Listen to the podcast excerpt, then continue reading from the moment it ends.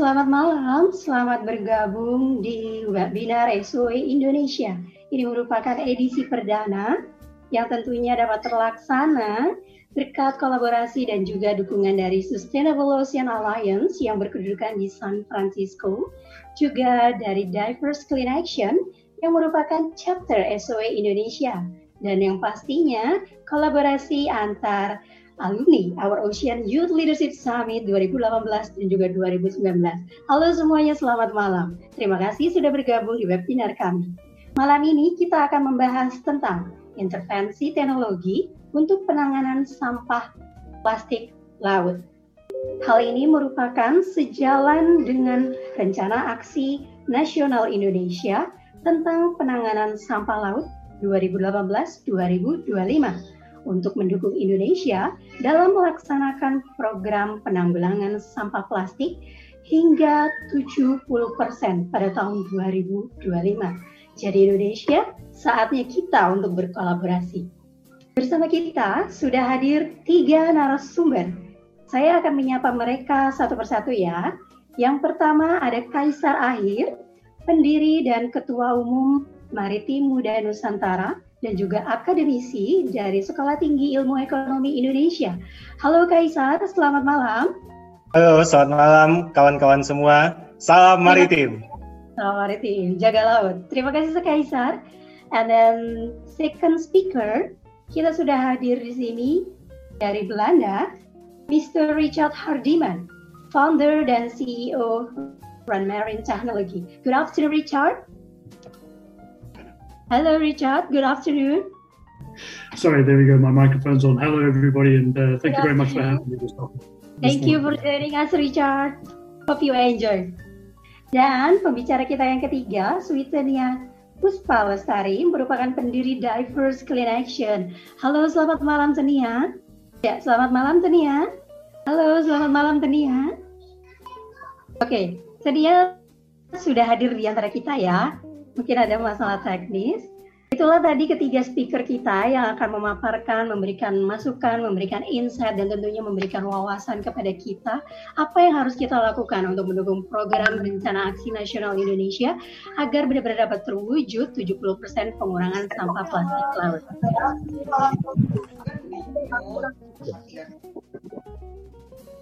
Bicara kita yang pertama, Kaisar Akhir, pendiri dan Ketua Umum Maritim Muda Nusantara. Kaisar, silakan. Ya. Terima kasih atas kesempatannya Kak Era yang telah uh, memandu acara ini nantinya ke depan dengan uh, bersama-sama kita. Assalamualaikum warahmatullahi wabarakatuh. Selamat malam semuanya, salam maritim. Perkenalkan, uh, saya Kaisar Akhir. Sebuah kehormatan bagi saya uh, saat ini berada di tengah-tengah kawan-kawan semua untuk uh, berbagi tentang intervensi teknologi untuk penanganan sampah plastik laut khususnya di Indonesia. Akhirnya sudah muncul ya, Kak Era? Sudah. Baik. Nah, teman-teman semua, saat ini saya uh, kesibukannya di Maritim Muda Nusantara sebagai ketua umum dan juga uh, pernah menjadi peserta Our Ocean Youth Leadership Summit tahun 2018 dan sehari-hari saya aktif sebagai uh, dosen di Departemen Manajemen Sekolah Tinggi Ilmu Ekonomi Indonesia. Uh, pada malam yang berbahagia ini saya ingin menyapa teman-teman semua, bagaimana kabarnya? Semoga sehat selalu. Ya, kita mulai ya teman-teman dengan latar belakang seperti ini apa sih penting bahwa kita perlu untuk menjaga sumber daya laut Indonesia dari sampah plastik? Karena wilayah laut Indonesia mencapai 6,4 juta kilometer persegi. Indonesia merupakan negara kepulauan terbesar di dunia dengan jumlah pulau yang telah diverifikasi dan divalidasi sejumlah 17.491 pulau. Kita juga perlu patut bersyukur bahwa Indonesia merupakan negara kepulauan dengan ekosistem terlengkap di dunia. Kita punya ekosistem lamun, mangrove, terumbu karang, dan ekosistem lainnya. Kita punya gunung di darat, tapi juga punya gunung di lautan.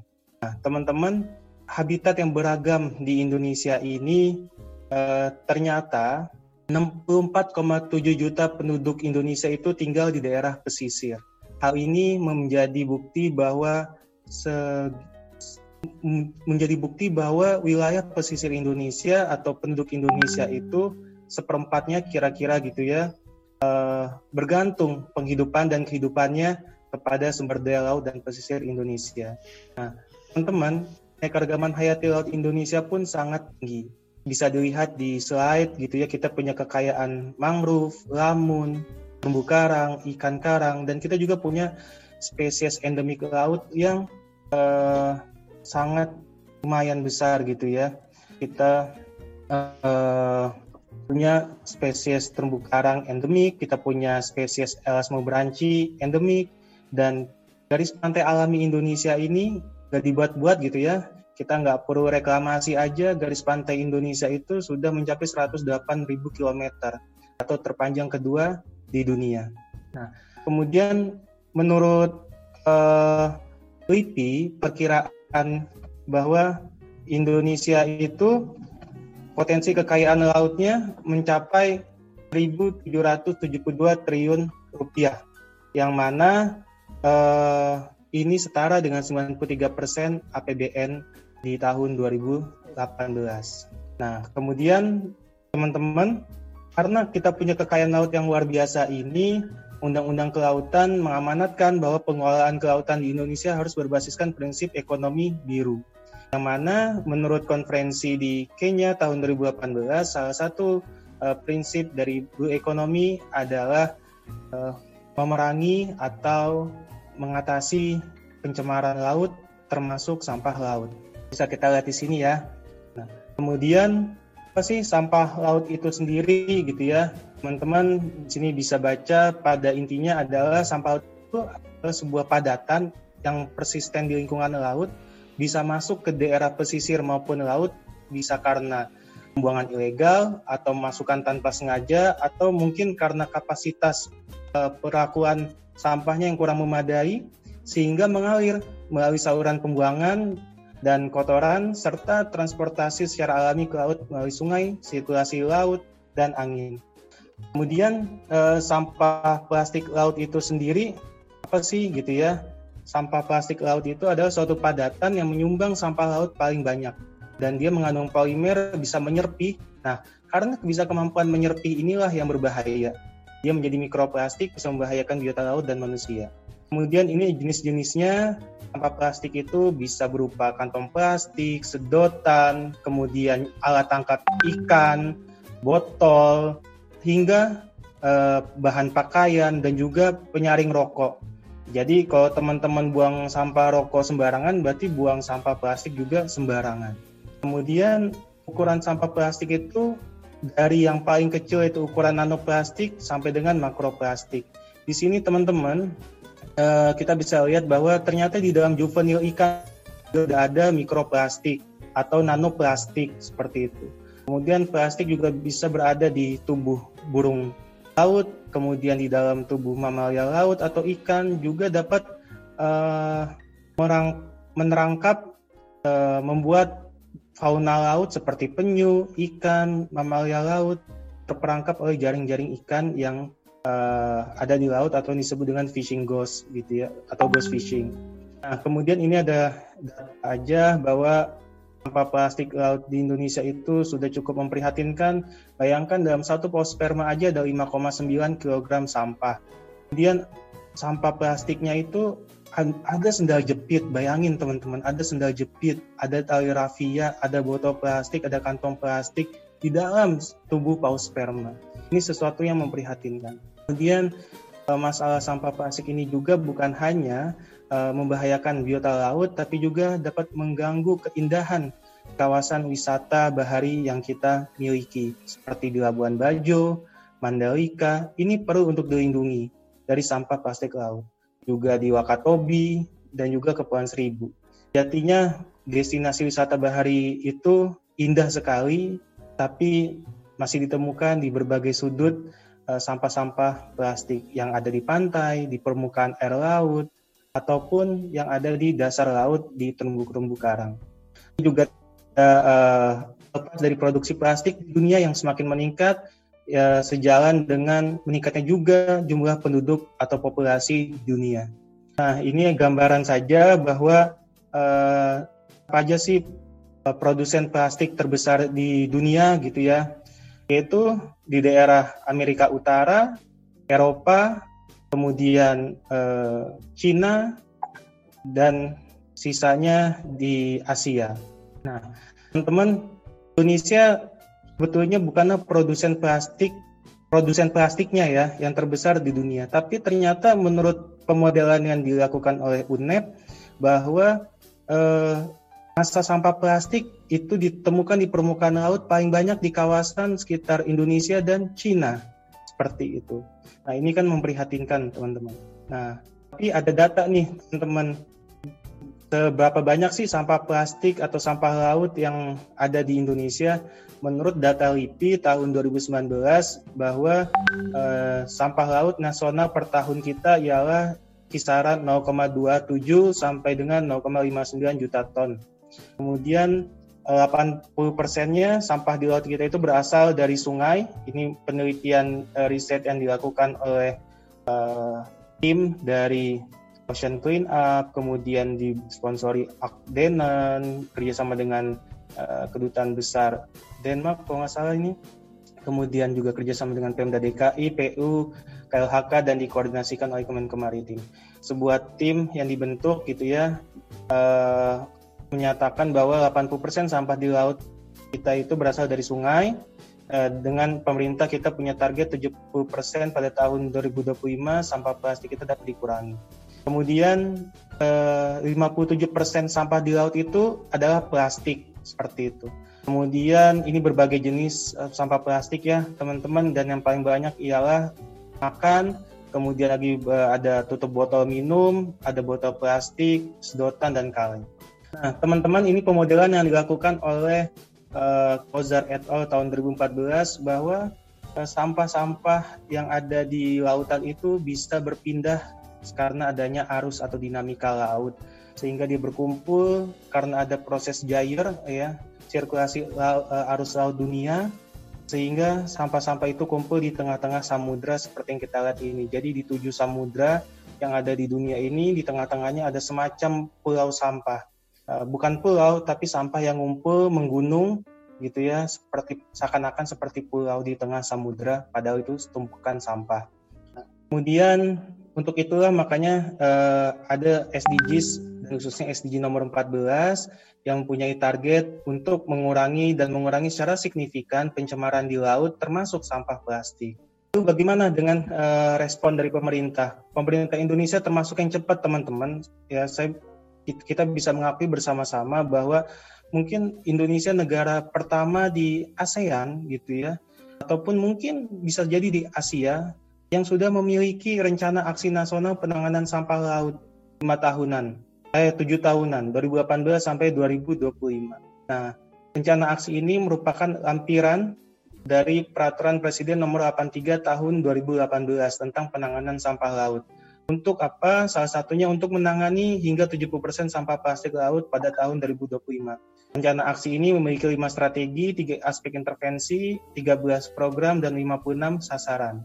Nah, kita bisa lihat di sini teman-teman bahwa uh, ada lima pilar.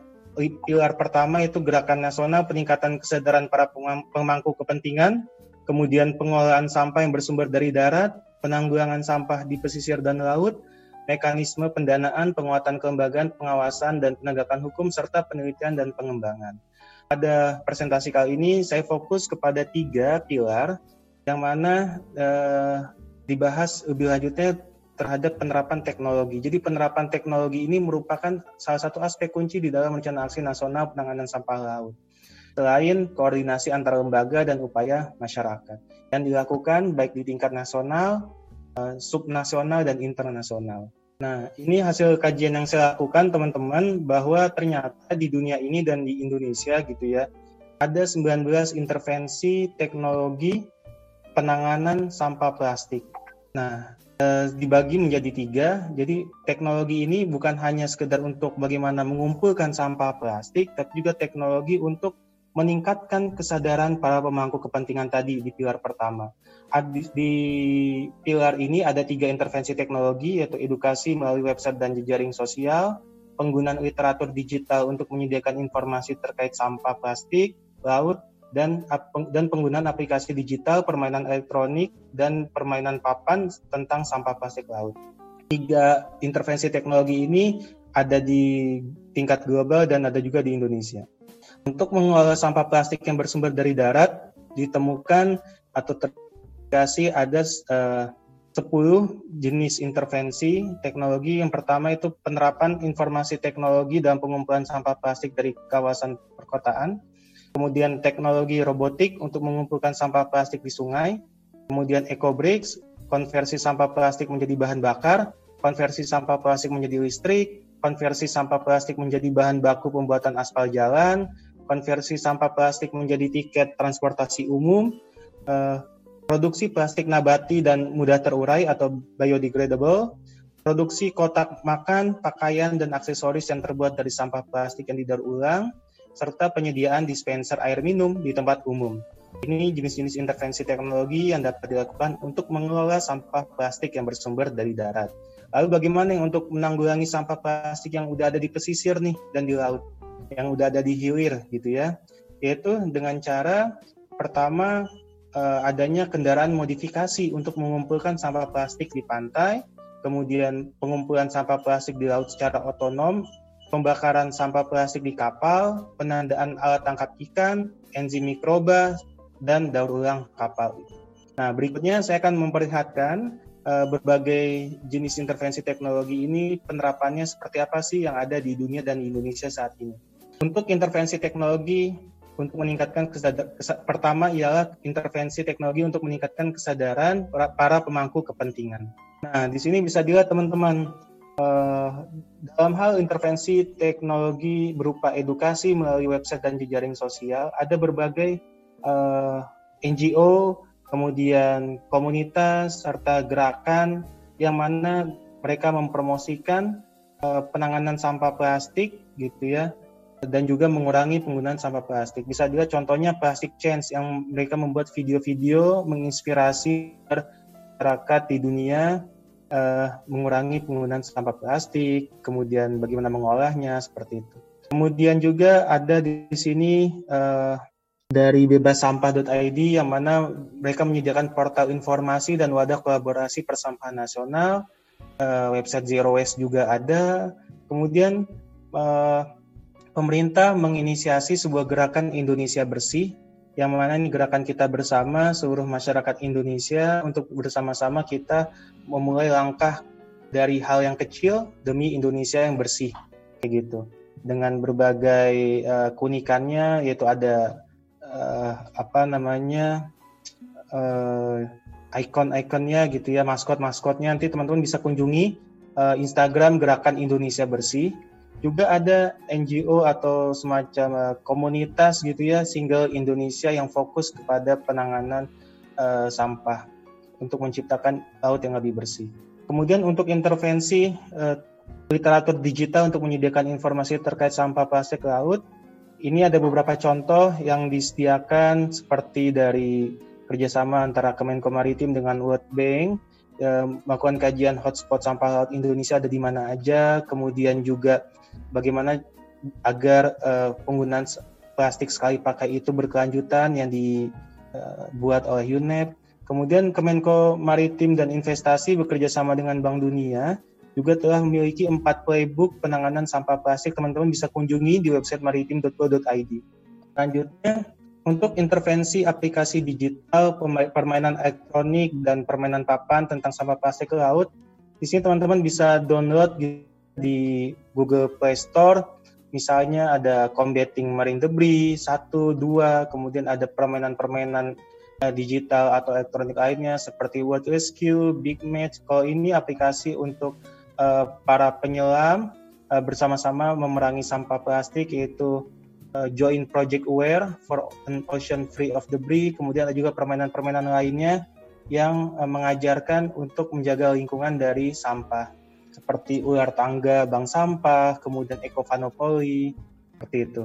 Lalu bagaimana dengan intervensi uh, teknologi untuk mengolah sampah yang bersumber dari darat? Nah, untuk penerapan teknologi informasi uh, dan untuk intervensi penerapan teknologi informasi dalam pengumpulan sampah plastik di kawasan perkotaan, misalnya uh, ini sudah diterapkan oleh Obabas. Dia punya sebuah aplikasi uh, bank sampah dan ketika kita ingin misalnya sampah kita dijemput bisa juga melalui aplikasi Obabas ini atau juga bisa dengan uh, sampah muda yang telah bekerja sama dengan Waste for Change gitu. Teman-teman bisa kunjungi dua website ini, mereka menggunakan teknologi informasi untuk mengumpulkan sampah plastik dari kita. Kemudian ada ada penelitian juga dari uh, Gutierrez et al yang mereka uh, bagaimana membuat atau mengembangkan sebuah sistem uh, pengumpulan sampah cerdas gitu ya yang dapat uh, mendeteksi lokasi. Nah, kemudian untuk intervensi uh, robotik gitu ya, teknologi robotik untuk mengumpulkan sampah plastik di sungai. Sudah ada beberapa contohnya yang dilakukan di Indonesia yaitu Interceptor 001 ini dalamannya gitu ya. Bagaimana sampah itu dimasuk masuk ke dalam mesin ini, kemudian disaring seperti itu. Ini Our Ocean eh apa uh, Clean Ocean Clean Up yang punya. Ya, The Ocean Clean Up ini interceptor yang kedua yang di bawahnya dan yang di sebelah kiri ini trash uh, robot untuk uh, diterapkan di Chicago. Lucunya yang Urban Reef, Urban Reef ini teman-teman, kita bisa uh, mengendalikan trash robot ini dari rumah, jadi semacam kayak game gitu ya. Kita memainkannya, mengendalikan robotnya dari rumah dengan sebuah aplikasi, dan robot itu jalan sendiri di sungai, di salah satu sungai di Chicago untuk mengumpulkan sampah. Kemudian intervensi teknologi berikutnya itu EcoBricks. EcoBricks ini adalah sebuah teknologi sederhana yang mana dia memasukkan sampah sampah-sampah plastik, uh, pastinya tentunya sudah dikeringkan dulu sebelumnya gitu ya, sudah dicuci, dikeringkan, kemudian dimasukkan, dipadatkan di dalam sebuah botol plastik dan beberapa botol plastik kemudian digabungkan bisa dibentuk menjadi sebuah kursi, meja, tembok, bahkan bangunan. Kemudian ada juga jenis uh, intervensi uh, sampah plastik menjadi bahan bakar, yaitu yang diterapkan di Belanda saat ini misalnya sedang dikembangkan sebuah pabrik untuk menghasilkan uh, bahan bakar kapal dari plastik. Jadi plastik diolah menjadi bahan bakar biodiesel, menjadi bahan bakar diesel untuk kapal. Juga dilakukan di Indonesia, juga per, sudah dilakukan di Cina. Kemudian intervensi berikutnya yaitu konversi sampah plastik menjadi listrik. Ternyata bukan hanya di Swedia dan Austria, teman-teman, ternyata di Surabaya dan di Bekasi pun kita sudah ada pembangkit listrik tenaga sampah. Kemudian di sisi kanan sini, ini mohon maaf ya ada yang coret-coret, apa kita coba saya close bentar ya, kemudian balik lagi ya. Era uh, kita close dulu kali ya. Uh, ya, uh, saya coba balik lagi. Oke. Okay. Nah, kemudian ini yang sebelah kanan adalah intervensi uh, teknologi sampah plastik menjadi bahan baku pembuatan aspal jalan. Bukan hanya telah dilakukan di Kanada, Inggris, India, Indonesia pun juga pernah dilakukan, misalnya di Bali, di Jakarta, di Makassar, seperti itu. Kemudian, uh, ya, untuk konversi konversi berikutnya itu konversi sampah plastik menjadi tiket transportasi umum. Ini sudah ada di China dan di Turki.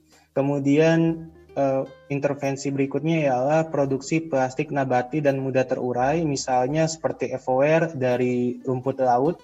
Kemudian juga ada Avani Eco, kemudian ada juga uh, minum apa air putih gitu, tapi yang dibungkus menggunakan edible coating, jadi minum sambil dimakan. Juga ada uh, kotak makan yang biodegradable dan ini ada pembungkus makanan yang juga ramah lingkungan seperti itu. Lanjutnya intervensi berikutnya yaitu produksi kotak makan, pakaian dan aksesoris dari sampah plastik yang bisa didaur yang the, sampah plastik yang didaur ulang. Misalnya kayak ini nih eh, sepatu, pakaian renang, kacamata, gelang, ini ternyata bahan bakunya sampah plastik dari lautan. Kemudian ada kotak makan juga dari sampah plastik yang didaur ulang dan juga Aqua sudah ada uh, sebuah pengembangan yaitu botol botol to bottle. Jadi uh, dia membuat satu botol plastik itu dari plastik yang didaur ulang sebelumnya. Kemudian intervensi yang lain yaitu penyediaan dispenser air minum di tempat umum. Hal ini telah dilakukan di berbagai tempat misalnya di universitas seperti di IPB, kemudian di airport atau bandara di Soekarno-Hatta, kemudian juga ada menarik di sini sebuah penerapan uh, kegiatan panitianya menyiapkan stasiun isi ulang air saat kegiatan Synchronize Festival 2019. Hal ini tentunya mengurangi penggunaan uh, botol plastik sekali pakai. Nah, jenis yang lainnya untuk intervensi teknologi untuk menanggulangi sampah di pesisir dan laut, yaitu pertama penggunaan kendaraan modifikasi untuk mengumpulkan sampah plastik di pantai. Ini contohnya ada di Bali yang diproduksi oleh Bisnet, yang memproduksi traktor yang bisa mengumpulkan sampah plastik di pantai secara massal gitu ya. Kapasitas besar maksudnya. Kemudian ini juga beberapa penerapan yang ada di uh, Amerika dan uh, India gitu. Uh, perusahaan Habarber. Kemudian juga intervensi intervensi sampah plastik di laut secara otomatis. Misalnya uh, seperti Sibin ya Sibin Project kemudian ada Bluefin dan nantinya yang akan bicara setelah saya yaitu uh, CEO Richard yaitu produknya Renerin. Kemudian untuk intervensi pembakaran sampah plastik di kapal yaitu menggunakan shipboard incinerator atau uh, di sini juga ada contoh-contohnya teman-teman bisa nanti searching di internet. Dan ada yang menarik lagi teman-teman intervensi teknologi berikutnya yaitu penandaan alat tangkap ikan yang mana ini berguna untuk uh, nantinya kita bisa tahu uh, tangkap ikan itu lokasinya ketika sudah ada di laut itu di mana aja. Jadi misalnya nanti dia terbawa arus laut atau badai gitu ya, uh, kita bisa mendeteksi keberadaannya sehingga kita bisa memungutnya uh, alat tangkap ikan tersebut seperti itu. Ini ada beberapa penelitian yang uh, mengkaji jenis-jenis uh, teknologi apa aja yang bisa menandakan alat tangkap ikan untuk mengidentifikasi komponen-komponen uh, alat tangkap ikan tadi sehingga kalau misalnya dia men, sehingga bisa menghindari atau mengantisipasi biota-biota laut yang terperangkap oleh jaring-jaring ikan misalnya. Kemudian intervensi teknologi lainnya yaitu enzim mikroba bahwa di beberapa penelitian di Jepang maupun juga pernah ada di Indonesia misalnya ini ada tek, uh, jenis mikroba Ideonella saccharensis gitu ya yang bisa mengeluarkan enzim petase untuk mendegradasi plastik. Ini juga ada uh, Z maritimum yang dapat uh, mengeksposur plastik sehingga terurai lebih cepat. Nah, kemudian intervensi yang terakhir yaitu daur ulang kapal. Uh, kenapa? Karena ya kapal itu kalau sudah tua lapisan catnya ataupun uh, badan kapalnya akan mudah untuk uh, terdegradasi oleh arus dinamika di laut sehingga bisa mencemari lingkungan mengeluarkan mikroplastik seperti itu. Makanya perlu untuk didaur ulang agar lapisan-lapisan kapalnya masih baru lagi kuat lagi gitu. Nah, kemudian bagaimana kalau misalnya kita ingin menerapkan di kawasan wisata bahari? Ini saya mencoba memetakan gitu teman-teman mencocokkan uh, intervensi teknologi dengan kebijakan atau rencana aksi nasional penanganan sampah laut. Jadi kalau kita ingin menerapkan intervensi teknologi untuk kawasan wisata bahari, kita bisa menerapkan beberapa intervensi berikut ini. Satu, misalnya konversi sampah plastik menjadi tiket transportasi umum. Kemudian eh, konversi sampah plastik menjadi bahan bakar lalu produksi plastik yang biobased atau nabati dan biodegradable atau mudah terurai. Kemudian produksi uh, food containers atau kotak makan dan produk fashion yang terbuat dari sampah plastik yang didaur ulang, penyediaan dispenser air minum di kawasan di tempat-tempat umum dan juga penggunaan uh, kendaraan modifikasi untuk mengumpulkan sampah yang ada di pantai. Juga Eh, bisa melalui intervensi berupa edukasi melalui website dan media sosial, EcoBrick, kemudian konversi sampah listrik, sampah plastik menjadi listrik, kemudian juga konversi sampah plastik menjadi aspal, uh, penyediaan dispenser, kemudian uh, juga penggunaan literatur digital untuk menyediakan informasi terkait sampah plastik laut dan penggunaan aplikasi mobile, uh, game elektronik serta permainan papan tentang sampah plastik laut.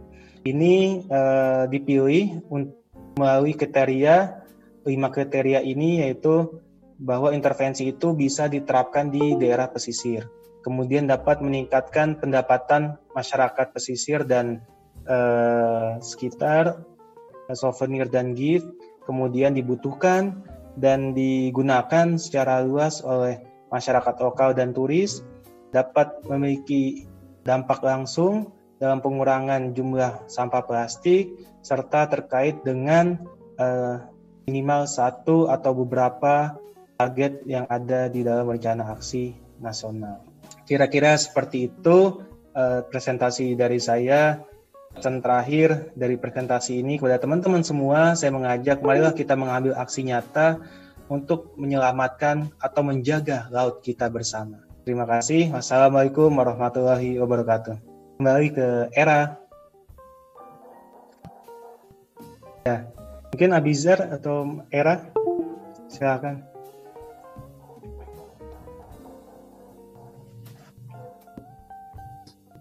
Ya, dari saya sudah cukup, Era. Silahkan. Suara Era belum di-unmute. Iya. Oke, terima kasih.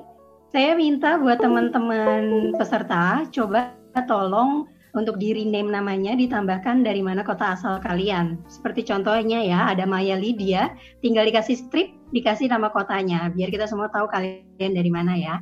Oke, terima kasih Kaisar.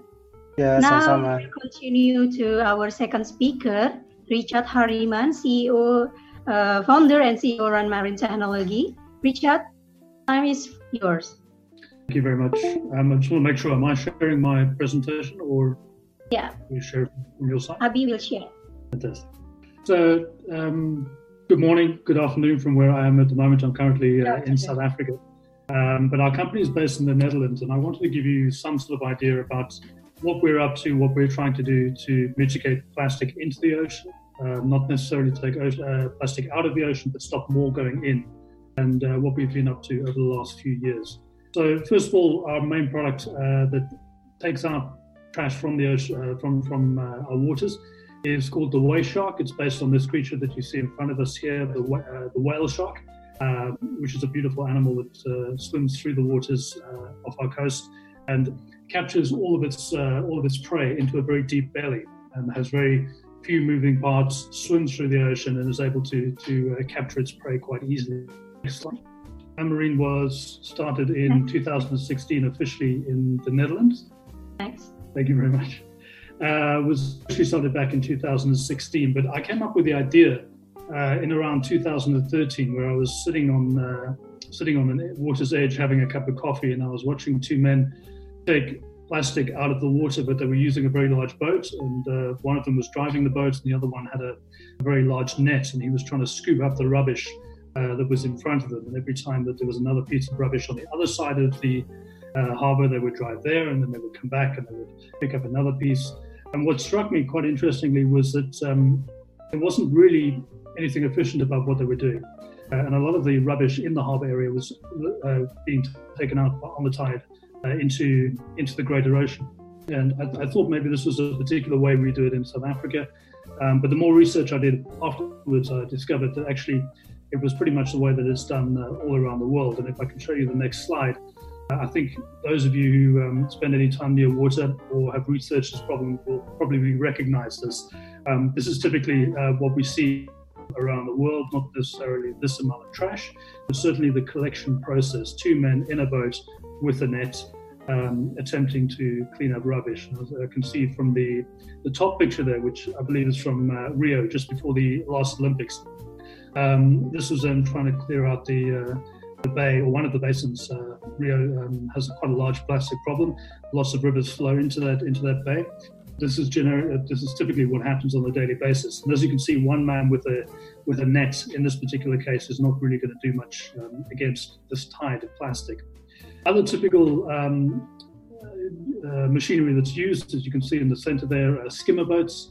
Um, these are generally um, used uh, in, in, larger ports um, and maybe do do quite a lot of um, a lot of good uh, when there's a large problem with plastic, but when there's small bits of plastic floating around, these incidental marine plastics that enter our waters, they don't really do much damage uh, because they can't get into the smaller areas.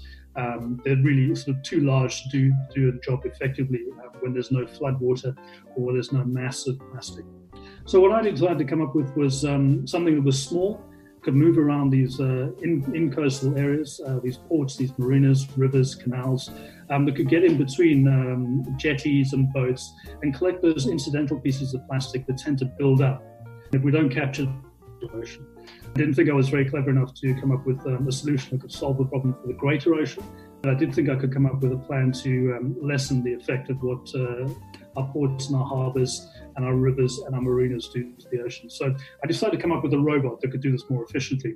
And if we go to the next slide, um, some of you might recognize um, this character and some of you might not. But uh, I decided to base it on this man. Um, his name is WALL-E. For those of you who've seen the film, you'll know about him. If you haven't seen WALL-E, um, WALL-E is basically a robot that was left on Earth along with a lot of his robot kind um, to clean up uh, Earth and all the rubbish that we left.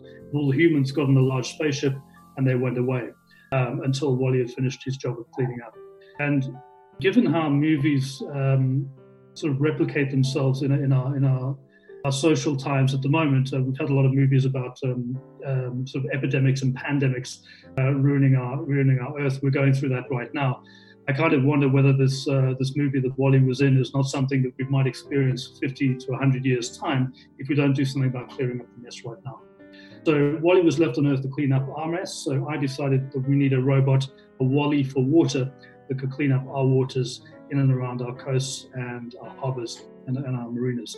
I'd like to show you a quick video uh, of what our whale shark looks like. As I said, it was based on the whale shark. Uh, this is the whale shark. It's about the size of your um, average coffee table at home. It's not very big, but at the same time, it can carry about 350 kilograms of waste on a good day. It's designed to clean up 500 kilograms over an eight hour period, which is a standard working shift uh, around most of the world.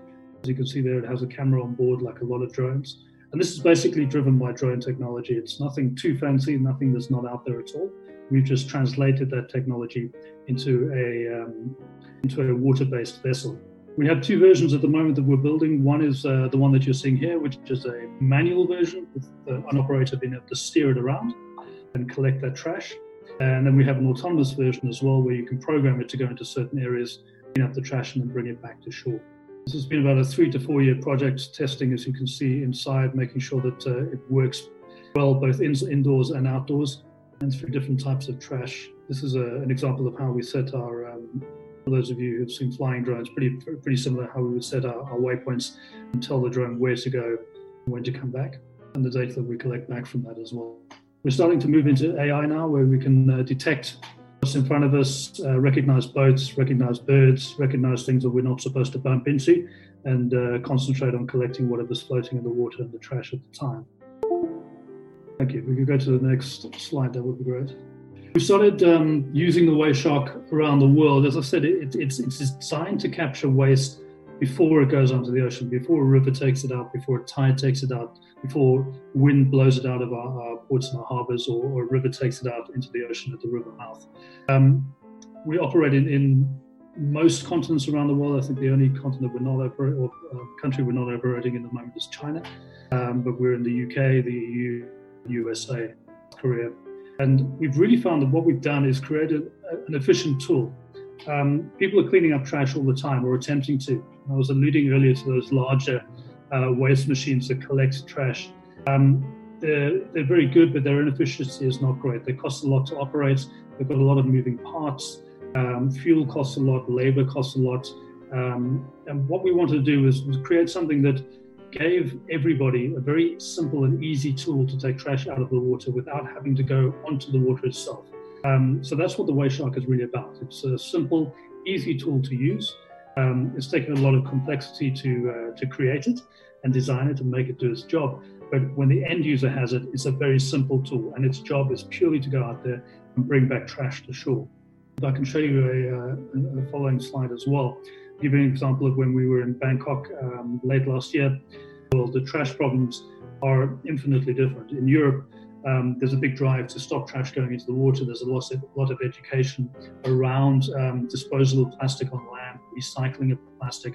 Um, in other areas, in poorer states, uh, where Africa, where I am at the moment, that education is not as prevalent. Um, so very often, somebody living by a, a, river, as in the case of this, this is central Bangkok. Um, people living on the water's edge will use that water as their waste management um, as their waste management solution. So, where you or I may have um, a rubbish truck that comes around and collects our waste once or twice a week, um, these people don't have such facilities. So, the easiest way to get rid of their trash is to put it into the water and let the water carry it away. Of course, that endangers marine life, it pollutes our oceans, but to the person who's living with the problem, necessarily want to live in and around trash themselves, so they want to get it, get rid of it and that education of how to recycle, how to dispose, or even the, the access to being able to dispose and recycle is not always there.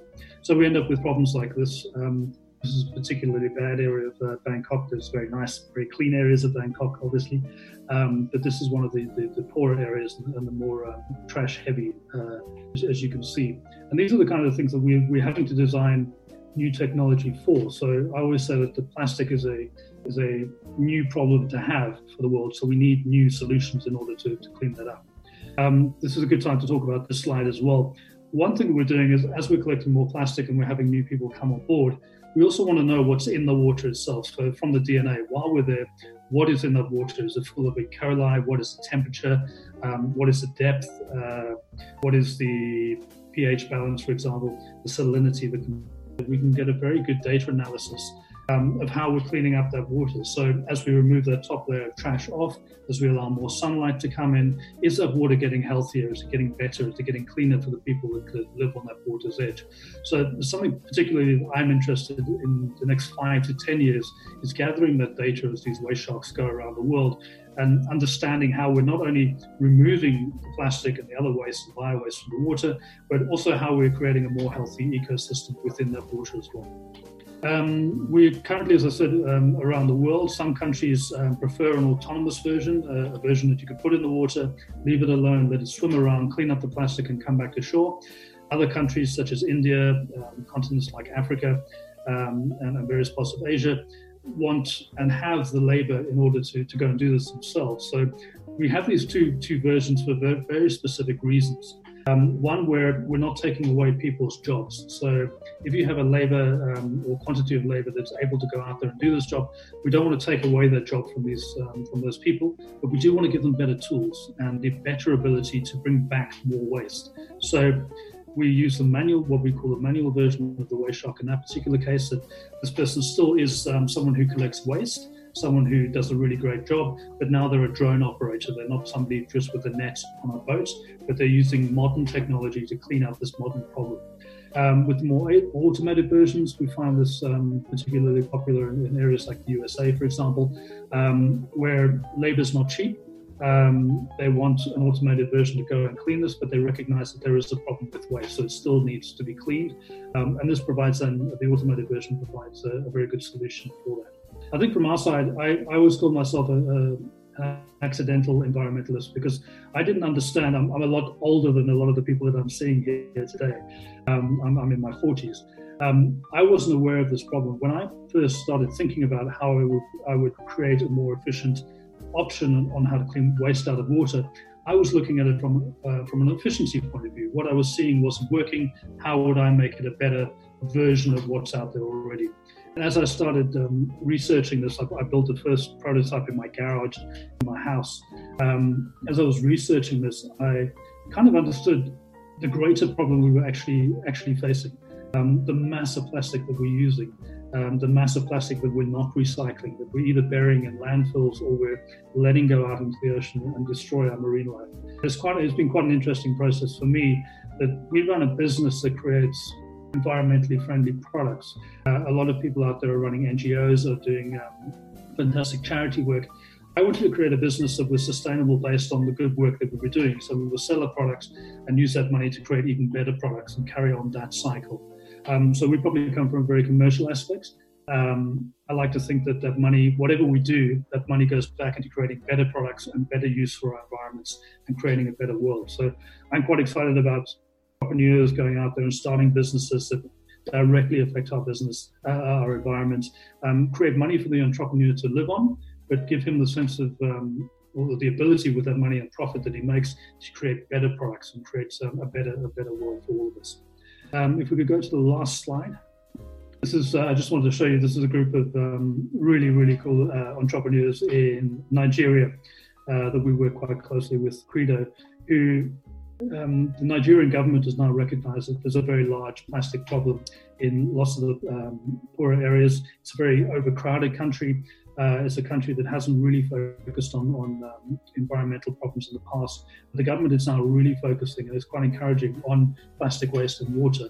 And Credo have gone out there, they've bought a couple of drones from us, and they literally go out there and start cleaning waters using the waste shark. Um, and it's really encouraging to see that um, you've got all these guys who are behind this technology um, in the middle of Africa, in the middle of nowhere, really um, going out and making a difference. They take that plastic, they make sure it's recycled, um, and they, they, make sure that there's an ethical program to, to how that, that waste is disposed of. With our partners, um, we've chosen the, route that we can't go right the way through our um, right the way through the, the um, environmental circle. Uh, so we made the decision to create products that we can put in the hands of people who want to do good. Um, and then they, so everyone we partner with, we make sure that they have a, an ethical recycling program and a disposal uh, process um, that we can align to. Um, so that we know that when we hand the waste shark over, uh, we always see the waste shark as, as a team member of ours leaving our, uh, our factory and going off to, to do some good around the world. And we want to make sure that the partners that we have um, make sure that whatever happens to that trash is done ethically and, uh, and recycled properly all I have really. I just wanted to share some of our journey um, of the good I think that we're doing around the world as a business. Um, we've got a lot of really great and cool products coming out in the next few years um, that will add um, to our product suite of environmentally friendly products. But basically, we're here to provide efficient, cost-effective tools to clean up our environment and do good for the world, and that's pretty much what we what we focus on around, around marine technology. Thank you. Okay, thank you, Richard. Very wonderful say hello to Molly. and we we waiting wait shark come to Indonesia ya. Okay, we have uh, another speakers. Thank you again, Richard. Please stay. Okay. Uh, now uh, kita lanjutkan ke pembicara kita yang ketiga yaitu Sweetenia Alustari yang merupakan founder dari Diverse Clean Action. Kepada Tenia kami persilakan. Oke, halo teman-teman semua, selamat malam. Uh, apa, aku nggak akan banyak uh, apa namanya sharing tentang teknologi ataupun uh, data-data ya, karena sebenarnya tadi sudah uh, sangat masif dijelaskan oleh pembicara-pembicara sebelumnya, dan mungkin kekepoan kita tentang teknologi yang barusan dijelaskan sama Mas Richard itu sama. Jadi saya juga akan mempercepat presentasi saya. Uh, mungkin presentasi saya juga bisa ditunjukkan uh, langsung saja untuk uh, admin. Baik, terima kasih. Jadi, uh, perkenalkan nama saya Tenia. Uh, saya dari Diverse Connection, sebuah NGO yang berafiliasi bersama dengan Sustainable Ocean Alliance Global. Nah, di sini uh, dari teman-teman panitia penyelenggara minta saya menjelaskan terkait kira-kira apa saja sih yang sudah dilakukan dan bagaimana teknologi tepat guna yang ada di Indonesia dan juga contoh-contohnya apa seperti itu. Di slide selanjutnya, kita bisa lihat di sini uh, dari teman-teman Diverse Clean Action kita mengumpulkan dari uh, volunteer-volunteer kita dan juga stakeholder yang sering melakukan pembersihan pantai dan juga di bawah laut. Nah ini pembersihannya masih secara manual dan kalau misalnya ketika kita bilang pembersihan sampah itu kita ada beberapa jenis. Ada yang memang ngikutin standar saintifik, ada yang tidak gitu. Dan kita uh, ada sebuah website juga yang kita develop bareng-bareng dari Kementerian, uh, sorry dari LIPI, Lembaga Ilmu Pengetahuan Indonesia, dan juga dari bantuan Universitas Pajajaran. Dan di sini kita sudah ada titik-titik yang memang melakukan pembersihan pantai secara saintifik. Tujuannya apa? Agar sampah pantai itu bisa dibandingkan peer to peer gitu. Jadi tadi Mas Kaisar juga sempat bilang bahwa data Indonesia itu eh, sudah diupdate nih dari 0,2 sampai 0,5 juta ton. Mungkin teman-teman pernah dengar bahwa uh, di tahun 2000 sekitar 2016 2015 itu kan uh, ramai banget Indonesia dibilang 1,3 juta ton seperti itu. Kita bekerja sama juga dengan Kementerian Kelautan dan Perikanan dan Kementerian Lingkungan Hidup serta Kementerian Koordinator Maritim. Namun kebetulan karena data uh, Indonesia terkait masalah sampah itu uh, dipegang sama LIPI gitu teman-teman. Karena Indonesia itu kan tadi yang sudah dibilang sama Mas Kaisar punya tim koordinasi nasional tentang pengendalian sampah laut. Nah kebetulan lagi yang melakukan pembersihan pantai untuk secara saintifik. Nah, gambaran datanya seperti apa? Kurang lebih uh, di tahun 2019 saja kita mengumpulkan data-data di beberapa titik di Indonesia dan data yang sampah yang paling banyak itu adalah sampah tekstil. Itu sekitar 55%. Sampah tekstil sangat-sangat uh, berat dan bagi teman-teman yang ada di sini yang tadi bilang uh, sudah clean up rutin segala macam dipersilakan banget untuk langsung ke sosial media kita dan juga bisa ke websitenya merindebri.id untuk mendownload guideline-nya dan juga mengupload data-datanya kayak gitu. Uh, nah kalau misalnya dari segi sampah tekstil tadi kenapa paling banyak karena dia paling berat. Nah, dan di Indonesia itu masih belum bisa didaur ulang dengan sempurna. Di Indonesia itu sampah plastik digabungin uh, antara sorry sampah tekstil itu digabungin antara plastik dan juga dengan katun dan di sini belum bisa didaur ulang dan diekspor ke India atau ke Jepang. Jadi itu yang membuat itu banyak sekali di pinggir pantai. Uh, untuk dari segi jumlah itu yang paling banyak sebenarnya single use plastik atau plastik sekali pakai. Tadi seperti yang sudah disebutkan juga sama pembicara-pembicara sebelumnya, yaitu uh, plastik reset, styrofoam, saset, sedotan, cups, dan segala macamnya.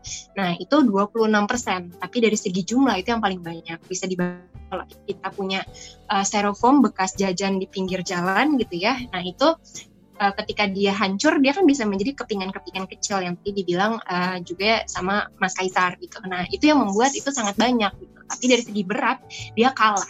Tapi dari segi jumlah itu yang paling banyak. Sehingga kalau kita melihat dari data-data ini kita bisa tahu policy apa sih yang harus kita kejar ke perusahaan maupun ke pemerintah untuk dikurangi. Kurang lebih seperti itu. Selanjutnya, nah kalau kita ngomongin di Indonesia itu gimana sih sampah lautnya kondisi sekarang di pesisir dan juga di bawah lautnya seperti apa? Ini sebagai contoh uh, ya. Di sini kita kalau ngomongin tentang ocean waste atau sampah laut atau marine debris atau apa pun itu, itu nggak bisa ngomongin cuma sampah saja. Bisa dibayangin ya teman-teman kalau Indonesia punya 17.000 pulau kecil, di mana tiap provinsi itu kapasitas untuk pengumpulan sampahnya beda-beda. Komitmen pemerintah daerah untuk mengumpulkan dan mendaur ulang sampahnya juga beda-beda.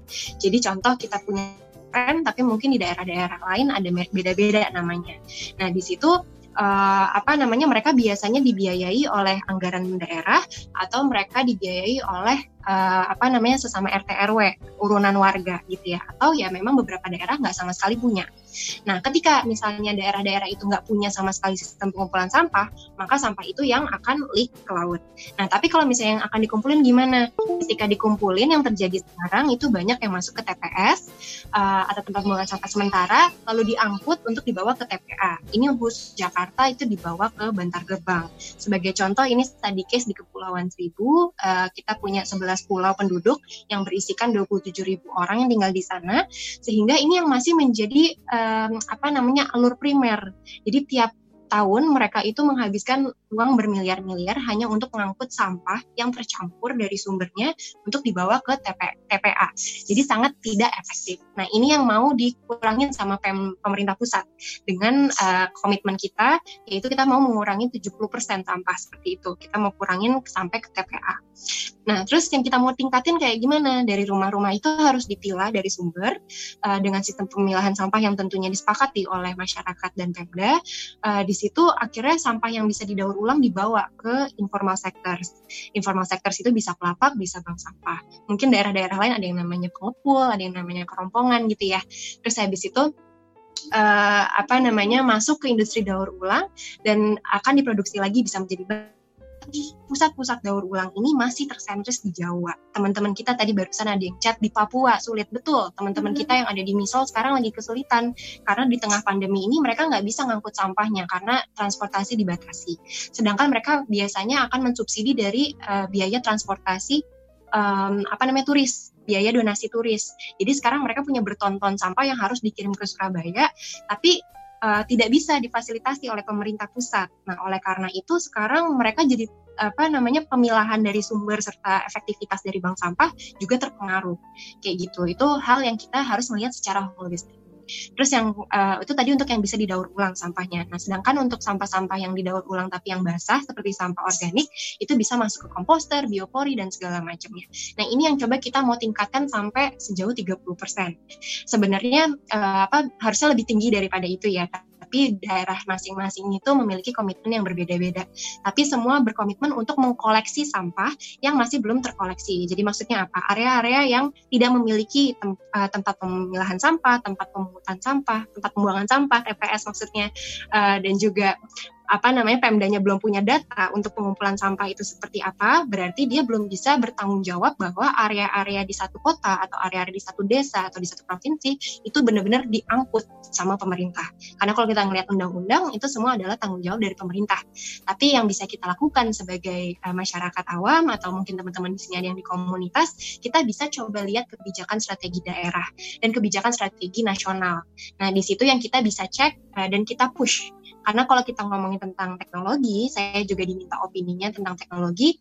Uh, yang yang penting ini adalah uh, saya dibilang kecepatan ngomongnya. Saya terlalu antusias kalau ngomongin sampah ya. Jadi uh, apa namanya baik saya coba pelan-pelan. Oke, okay. jadi kalau ngomongin tentang sampah, uh, saya sangat excited karena menurut saya banyak sekali yang bisa dikerjakan uh, banyak orang kayak gitu. Nah, uh, kalau ngomongin teknologi balik lagi, kita nggak bisa cuma ngomongin tentang teknologi sebagai satu kesatuan saja. Nah, kalau kita ngomongin teknologi itu kan biasanya alat untuk membantu ya. Ah, nah, di sini kita bisa bayangin teman-teman banyak sekali teknologi yang tadi disampaikan sama Mas Kaisar ataupun Mas Richard. Tapi kalau kita nggak ngomongin tentang bedanya teknologi dengan teknologi tepat guna, ya itu sama saja tidak bisa digunakan di daerah kita. Sebagai contoh, di Kepulauan Seribu ini masih di slide yang ini.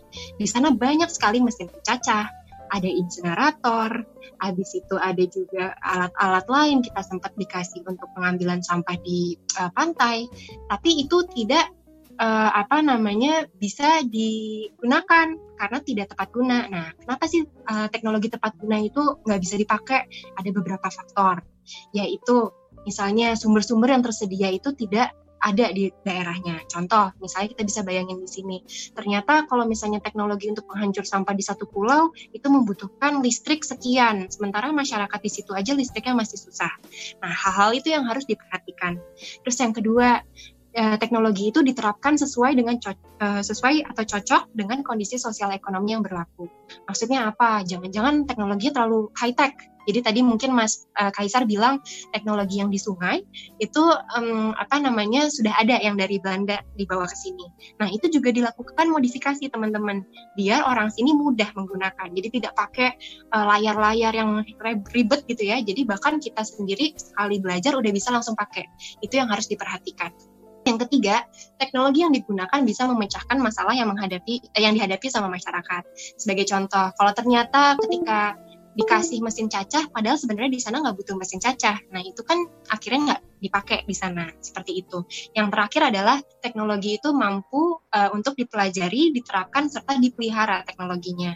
Jangan-jangan ternyata apa spare parts-nya itu mahal dan harus inden dari negara lain. Atau ternyata uh, apa namanya sulit untuk dipelajari atau diterapkan. Ini yang uh, kita menjadikan dasar dalam kita berbuat gitu. Mungkin bisa di slide selanjutnya. Eh, di slide selanjutnya ini kita ngejelasin tentang apa aja sih kegiatan yang kita lakukan gitu ya. Kita masih kecil sekali, eh, NGO kita secara resmi menjadi yayasan di tahun 2017, di mana kita sekarang punya volunteer sekitar 1.500 di Indonesia dan Asia Tenggara. Kerjaan kita tadi yang pertama mencoba mengumpulkan data dan membantu pemerintah. Kita berkoordinasi secara uh, konsisten dan uh, dekat dengan pemerintah. Di besok hari kita juga ada webinar sekalian promosi, silahkan kunjungi Instagram DCA. Uh, yang kedua, uh, itu maksudnya bareng sama pemerintah makanya saya promosi. Yang kedua adalah kita melakukan kampanye dan pelatihan. Yang eh, ketiga kita melakukan pengembangan masyarakat, memastikan tadi teknologi-teknologi mana yang bisa dipakai dan harus direvisi eh, atau direvitalisasi. Yang terakhir adalah kita bekerja sama dengan perusahaan tadi. Misalnya kita memastikan circular ekonomi itu berjalan dan kita bermulai di Kepulauan Seribu, tapi sekarang kita lagi mengembangkan di 10 kota lain yang bisa kita fokus-fokus banget gitu. Jadi bukan cuma volunteering, tapi kita punya target-target yang harus di aktif sama teman-teman kita yang kita namakan dengan Marine Debris Rangers. Nah ini yang mereka bisa membeli teknologi, mereka bisa menerapkan teknologinya seperti itu. Dan slide selanjutnya, Kak. Oke, di slide selanjutnya aku cuma mau sharing sedikit aja tentang Save Our Ocean and Small Islands uh, apa namanya di sini ini salah satu program yang kita mulai di awal 2016-2017 di mana ini kita dapat donasi dan dukungan dari berbagai perusahaan dan juga uh, granters atau badan. Di situ kita fokusnya ke advokasi. Bagaimana ternyata setiap stakeholders ini punya anggaran beli teknologi tapi nggak dipakai misalnya atau saling tumpang tindih. Nah ini kita melakukan advokasi rutin setiap minggu setiap bulan kita ada FGD. Terus yang kedua kita melakukan uh, capacity building atau peningkatan kapasitas dari masyarakat itu sendiri. Gimana caranya biar bisa pakai teknologi itu? Yang ketiga menguatkan circular ekonomi. Yang keempat kita buat juga teknologi refill store, di mana refill store itu adalah untuk uh, menyediakan sabun shampoo tapi bisa pakai jarnya sendiri. Itu mungkin teknologinya sederhana banget, tapi kita memastikan biar masyarakat di sana itu nggak lagi pakai saset karena susah untuk dilarang pakai saset kecuali kita nyasar ekonominya. Yang terakhir kita melakukan development-development uh, ecotourism. Jadi tadi misalnya tentang refill air minum di area wisata itu juga kita kerjakan. Selanjutnya Nah ini uh, seperti yang tadi juga disampaikan Indonesia itu banyak sekali effortnya, tapi kita juga jangan sampai terlalu high tech karena kita harus melihat masyarakat ini yang paling mudah seperti apa, apakah ternyata teknologi yang sudah ada bisa dieskalasi atau memang uh, dengan teknologi-teknologi baru ini bisa uh, dipakai sama teman-teman kita. Karena pasti di daerah Indonesia di 34 provinsi ini sudah banyak kegiatan, sudah banyak anggaran yang dialokasikan, tapi kadang-kadang kurang tepat gitu. Jadi pasti di sini teman-teman mau belajar dan kita sama-sama bisa kolaborasi untuk memastikan teknologi-teknologi itu bisa tepat guna. Nah, di slide terakhir yang mungkin saya bisa jadikan uh, pesan penutup dari saya, uh, apa namanya ini yang harus kita samakan satu mindset ya. Nanti ketika question and answer juga kita nggak boleh saling nyalahin gitu ya. Jadi kita tahu misalnya, aduh di provinsi saya tuh pemerintahnya nggak ngapa-ngapain gitu. Namun masalahnya uh, apa namanya mungkin bisa saja tidak di situ. Bisa saja ternyata pemerintahnya tidak mendapatkan akses informasi atau akses terhadap teknologi. Jadi teman-teman di sini bisa memposisikan diri, oke okay, kita tidak mau menyalahkan, kita lihat dulu Pemda udah ngapain aja, anggarannya seperti apa, kebijakan strategi daerah seperti apa, apa yang bisa kita tingkatkan. Karena mumpung sampai 2025 ini ada kebijakan strategi daerah dan kebijakan strategi nasional yang bisa diturunkan menjadi anggaran-anggaran khusus bagi provinsi-provinsi. Nah, di sini yang kita baru mulai bisa nih, ayo kita co-create, ayo kita sama-sama bikin, ayo sama-sama kita iterasi lagi teknologi ini bisa apa enggak? Kalau nggak bisa, salahnya di mana? Jangan nyalain masyarakat lagi. Karena bisa saja masyarakat Eh, nggak uh, tahu. Jadi karena mereka bilang saya dibilangin kemarin di edukasi disuruh milah sampah mbak, tapi pas saya mau milah ternyata dicampur lagi, ya kan nggak kelar masalahnya. Gitu. Jadi ternyata mau pakai teknologi tapi harus dipastikan dulu nih sistem yang diterapkan itu sesuai apa enggak.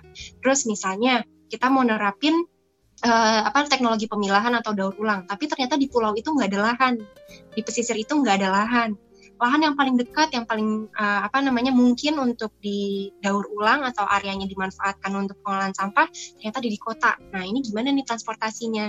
Jadi hal ini yang mungkin uh, harus dibarengi dengan presentasi-presentasi tadi tentang masalah teknologi. Jadi penekanan saya di teknologi tepat guna dan bagaimana kita bisa sama-sama co-create dan melakukan corrective actions. Mungkin gitu aja Mbak Era, nanti sisanya di question and answer. Thank you. Terima kasih Dania. Iya, pokoknya no blame challenge ya. Kita tidak boleh saling menyalahkan, tapi gimana caranya kita memperbaiki komunikasi juga dengan pemerintah. Karena kita perlu sekali berkomunikasi antara pemerintah, komunitas, eh, NGO, industri, dan juga para peneliti. Ya, terima kasih sekali lagi Tania atas insight-nya. Kita tunggu besok di webinar Hari Koral Nasional ya. Ya. Yeah. Tadi kita sudah selesai tiga pembicara kita. Terima kasih untuk semuanya. Terima kasih untuk Kaisar, Richard, dan juga Tenia. Sekarang saatnya untuk Q&A. Uh, kita punya waktu hanya sedikit, mungkin maksimal tiga orang. Nanti akan dipandu langsung sama Kristi Tanjung. Silakan Kristi. Hai teman-teman, uh, mungkin yang punya pertanyaan bisa ada option namanya raise hand So bisa diklik option raise hand-nya, nanti aku coba lihat kalau ada sempat kita Uh, jadi sistemnya satu pertanyaan langsung dijawab, satu langsung dijawab. Tapi dari tadi aku memantau dari um, rubrik chat, kayaknya ada beberapa pertanyaan yang banyak ditujukan ke beberapa speaker. So I think I'm gonna go to Richard first. Hi Richard. Uh, okay, I think Richard needs to unmute yeah. uh, his microphone. Okay. Yeah. um, so a few questions uh, were floating in the chat room. Um, they were asking if uh, your device does it only uh, catch the waste that is floating, or does it also catch waste that is also underwater? That's a good question. So um, the answer is that it captures um, anything uh, about 30 centimeters into the water or below the water. Um, so anything that's floating on the surface or just underneath. Um, and one of the reasons that we do that is because we're trying to catch fresh plastic, so plastic that's just gone into the water, um, and, and, remove it as, as quickly as possible. Um, so yeah, it's a 30 to 40 centimeter depending on the on the weight of the craft at the time. Great, thank you. And also, a few were, were asking like, how much does it cost, and is it commercially available or not? Uh, if you can give a bit of info about that and then maybe like a website or a catalog that other people can so the participants can check out your website or anything to know more let me start with the website the website is ranmarine.io uh, r-a-n marine.io um, and the basic entry level cost um, starts around uh, 12,000 euros um, which is a lot of money it's, it's we, we do work with ngos as well um, but it sounds like a lot of money, but then when you compare it to other uh, options out there, like buying boats or buying larger skimmer boats, it's actually quite a small fraction of the cost. So um, we're trying to bring that cost down as fast as possible. Um, that comes with selling volumes. It is commercially available, has been for the last 18 months, um, and is commercially available in most countries now. Okay, thank you so much. So a lot of people are still asking questions about the waste shark. I think it can be uh, found on the website, so you can go and go to somebody who has already raised their hands. Um, ada yang namanya Mas Ipul dari Bontang. Boleh kakak, eh aku bisa unmute ya? Bisa kah? Oh aku bisa unmute. Oke. Okay. Halo. Selamat malam. Maaf mas, suaranya bisa lebih besar, mungkin lebih dekat ke mikrofon. Ya, halo, selamat malam. Selamat malam. Boleh ya. kenalin namanya siapa dari mana? Ya, nama saya Mawar Saiful. Saya dari komunitas peduli sampah Kota Bontang. Uh, berdiri di tahun 2018 dan kita mengadakan uh, pemilihan duta peduli sampah tingkat Kota Bontang. Uh, dan kita sering melakukan gerakan pungut sampah di wilayah pesisir dan di salah satu pulau yang ada di Kota Bontang. Kali uh, sampah yang ada di pesisir dan di laut sangat uh, ya kalau kita bilang sih sangat mengerikan ya kalau di daerah Bontang. Ini yang tidak tersentuh uh, sehingga kita melakukan aksi ini kita mengkritisi pemerintah dengan aksi dan alhamdulillah uh, ya akhirnya terbukalah mata pemerintah. Nah pertanyaan saya kami sih berharap kami berharap dari uh, dari mungkin diverse uh, Clean Action uh, bisa berkolaborasi bersama kami di Kota Bontang, kemudian mungkin dari Grand Marine-nya juga uh, terkait dengan teknologi dan sebagainya. Uh, kami plastik botol uh, itu kita sudah bikin uh, bensin.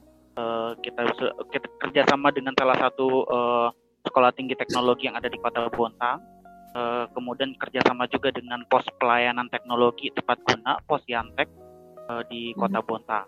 Nah, seperti, uh, eh, ya seperti itu sih. Jadi kami lebih lebih berharap untuk bisa membuka lebar sayap untuk uh, bersama-sama mengurai permasalahan sampah yang ada di pesisir dan di laut. Seperti yang tadi saya sampaikan datanya, kami di tahun 2018 itu ada sekitar 3,5 ton, di tahun 2019 kita 5,14 ton dan di tahun 2020 per Februari Januari kemarin 400 kilo yang berhasil okay. kita angkut sesuai dengan uh, jenis sampahnya yang kita okay. bilang. Itu saja. Mungkin ini dari tadi keliaran di chatroom juga mungkin bisa dari Kak Tenia sama Kak Kaisar mungkin Tenia duluan sekilas aja uh, kayak ada banyak yang kayak kerja sama di kota aku ya mungkin habis itu mungkin Kaisar sekilas sekilas aja info misalnya kalau mau ajak ajak kerja sama oh maaf Hai, uh, terima kasih tadi keren banget. Aku juga tadi sempat baca bahasa sekilas. Teman-teman sudah berbuat banyak uh, untuk kolaborasi itu sangat mungkin. teman teman-teman bisa juga email ke kita terkait uh, kemungkinan kolaborasinya seperti apa. Bisa dikontak at diversityinaction.org. Tapi kalau misalnya teman-teman mau uh, apa namanya lebih berkolaborasi secara komprehensif, teman-teman bisa ikut salah satu pelatihan kita. Kita tiap tahun ada ngadain pelatihan secara gratis dan itu nanti teman-teman bisa bergabung dengan alumni-alumni lain gitu. Karena kita punya alumni di tiap provinsi, salah satunya ada Abi di sini juga uh, apa namanya uh, dari Palu.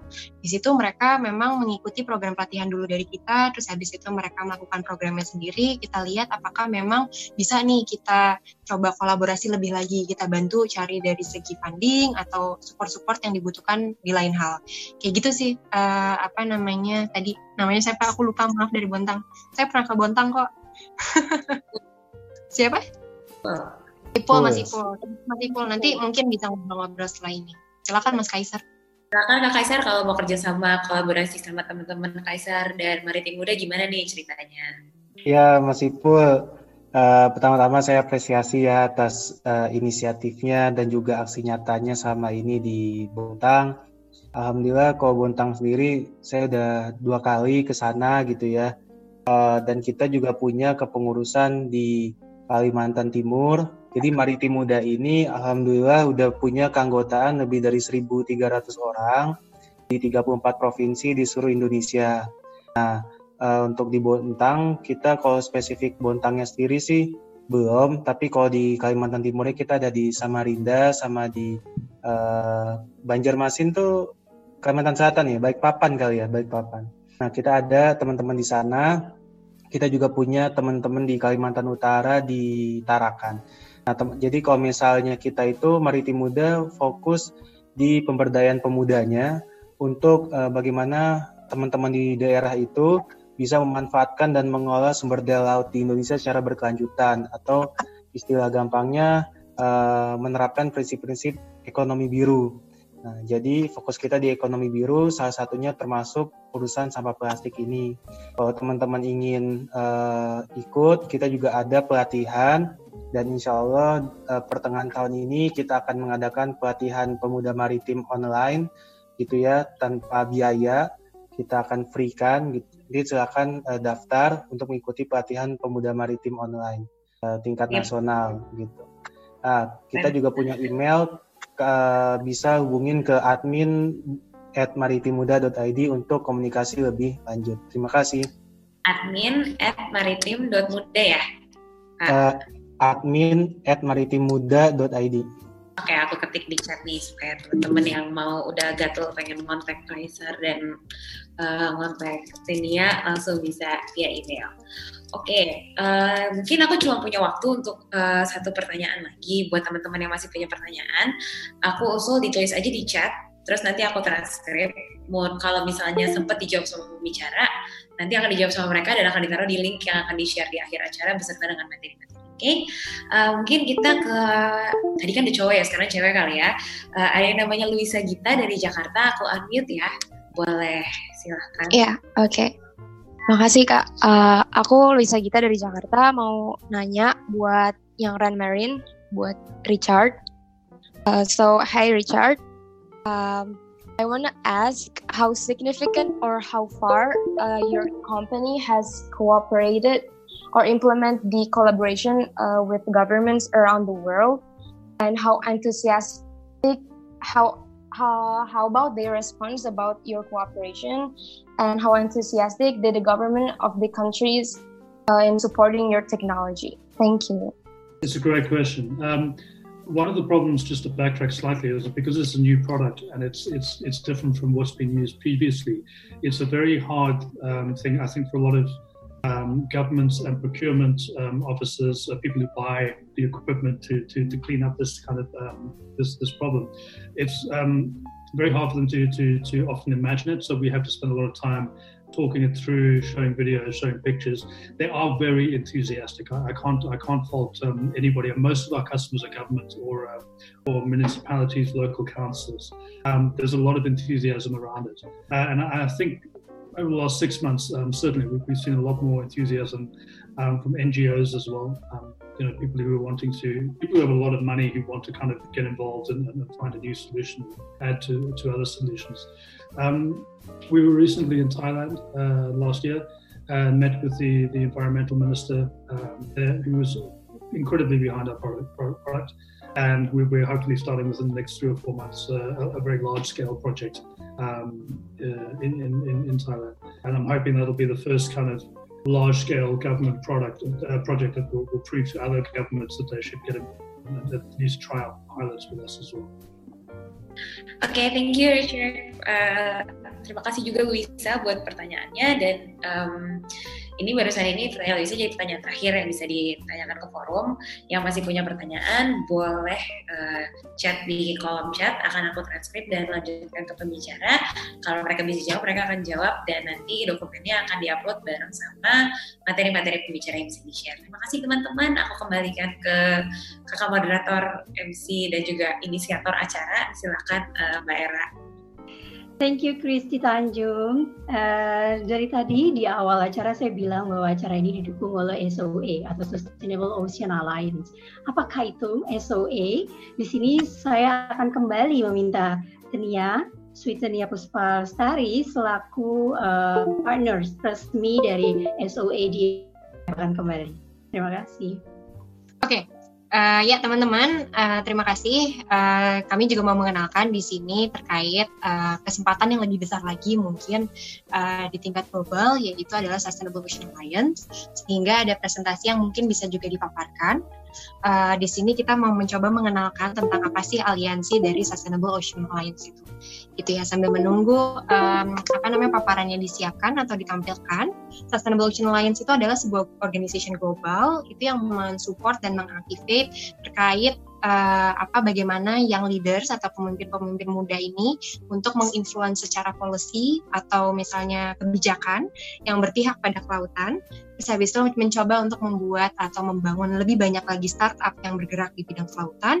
Dan yang ketiga adalah mencoba untuk mengubah behavior change untuk mencoba mengkonservasi laut. Tuh. Dan Sustainable Ocean Alliance ini uh, memiliki apa uh, tagline gitu ya, developing leaders, cultivating ideas, and accelerating solutions kayak gitu. Next. Nah, uh, eh, SOE sendiri bisa di Nah, uh, misinya tadi seperti yang saya sudah sampaikan di bagi ketiga, sehingga dari segi program itu ada dua program utama. Yang pertama itu adalah Ocean Leadership Program, di mana uh, Ocean Leadership Program ini salah satu yang saya ikuti secara pribadi dan Ketisar juga ikuti adalah Our Ocean uh, Youth Leadership Summit, di mana itu dimulai di 2016. Dulu saya juga ikut yang ke US, terus di 2017 itu di Malta, 2018 di Bali, 2019 di Norway, 2020 ini harusnya ada di Palau. Tapi karena masalah pandemi ini uh, kemungkinan besar dibatalkan atau di uh, apa tunda. Nah, ini program-program pelatihan ini memang ada yang berbayar, ada yang tidak berbayar. Namun kesempatan kita untuk bisa bertemu dengan expert-expert terkait kelautan itu sangat masif, teman-teman. Karena saya pribadi pernah uh, ikut beberapa organisasi atau beberapa apa namanya convening atau conference luar negeri di sini tuh lebih kerasa kita dihargai sebagai pemuda dan kita disatukan tempatnya dengan high level speakers. Jadi dari menteri presiden terus juga apa namanya expert-expert yang terkenal sebagai artis gitu misalnya. Itu kita ada di gedung yang sama dan bahkan beberapa dari mereka menjadi speakers dari uh, pelatihan itu. Sehingga itu keren banget bisa buat uh, teman-teman mendevelop programnya teman-teman mendevelop uh, pribadinya teman-teman sebagai pemimpin dan juga teman-teman bisa saling sharing apa yang sudah dilakukan terkait kelautan uh, tentang di Indonesia maupun tentang dunia. Nah, terkait Ocean Solution Accelerator, itu adalah akselerator untuk startup. Jadi bagi teman-teman yang punya startup, itu juga bisa untuk bekerja sama. Jadi kita bisa dapat funding atau misalnya uh, pendampingan mentorship seperti itu. Nah, uh, selanjutnya untuk di slide selanjutnya kita uh, kurang lebih uh, menghimpun 3000 uh, pemuda atau lebih dari 160 negara yang sudah uh, menjadi alumni dari program-program leader uh, leadership dari SOA Global. Nah, kebetulan di Indonesia ini uh, chapternya adalah Diversity in Action sebagai yayasan yang diminta untuk menjadi uh, apa namanya hubnya bagi organisasi-organisasi yang ada di Indonesia. Seperti itu. Di next selanjutnya. Di slide selanjutnya bisa kita lihat fokusnya SOE ini ada di um, menyukseskan SDG atau Sustainable Development Goals dari United Nations nomor 14. Jadi tentang life below water. Di situ ada beberapa topik yaitu yang pertama sampah laut atau marine pollution, yang kedua adalah ocean acidification, yang ketiga adalah unsustainable fishing, yang keempat adalah habitat destruction. Atau juga kita mensupport uh, topik-topik yang dibawa sama Our Ocean Conference setiap tahunnya. Itu ada enam topik utama sama seperti itu. Nah, uh, teman-teman di sini bisa next. Oh, udah. Jadi mungkin di slide sebelumnya. jadi teman-teman di sini kalau misalnya mau join kayak gimana, nggak harus jadi bagian dari DCA atau Maritim Muda, tapi teman-teman juga bisa langsung register ke aplikasi yang dinamakan Mobilize, uh, M O B I M O B I L I Z I Mobilize. Uh, itu bisa uh, diakses bisa ke soa.mobilize.io. Di situ kita bisa register dan bisa cari tahu sebenarnya kegiatan-kegiatannya apa aja. Terima kasih Kristi udah di-mention di sini. Uh, dan semoga kita ketemu juga di aliansi ini karena di aliansi ini kita saling sharing, saling bantu, saling support, kolaborasi untuk lautan Indonesia yang lebih baik gitu. Mungkin itu aja Kak Era. Terima kasih. Ya, terima kasih Tania.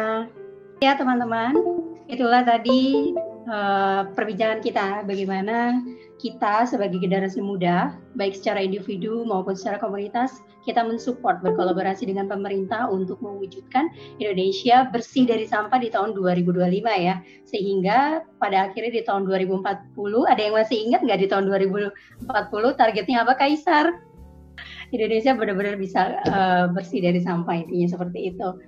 Uh, dan juga jangan lupa di minggu depan kita sudah ada plan lagi untuk Sesi webinar kita selanjutnya adalah tentang peran generasi milenial untuk uh, budidaya perikanan berkelanjutan. Ini akan menjadi topik yang cukup menarik karena kita sebagai generasi muda harus juga uh, paham bagaimana kita bisa mensiasati kebutuhan konsumsi ataupun kebutuhan ekonomi kita dengan cara budidaya. Karena konsumsi ikan di laut sudah begitu berlebihan, budidaya perikanan adalah salah satu alternatif untuk menjadi bahan pangan dan juga nilai ekonomi. Dan sekali lagi saya ucapkan terima kasih buat Kaisar Akhir, terima kasih buat Richard dan timnya Richard, dan juga tentunya buat Tenia. Saya mau kasih berbagi pantun boleh ya?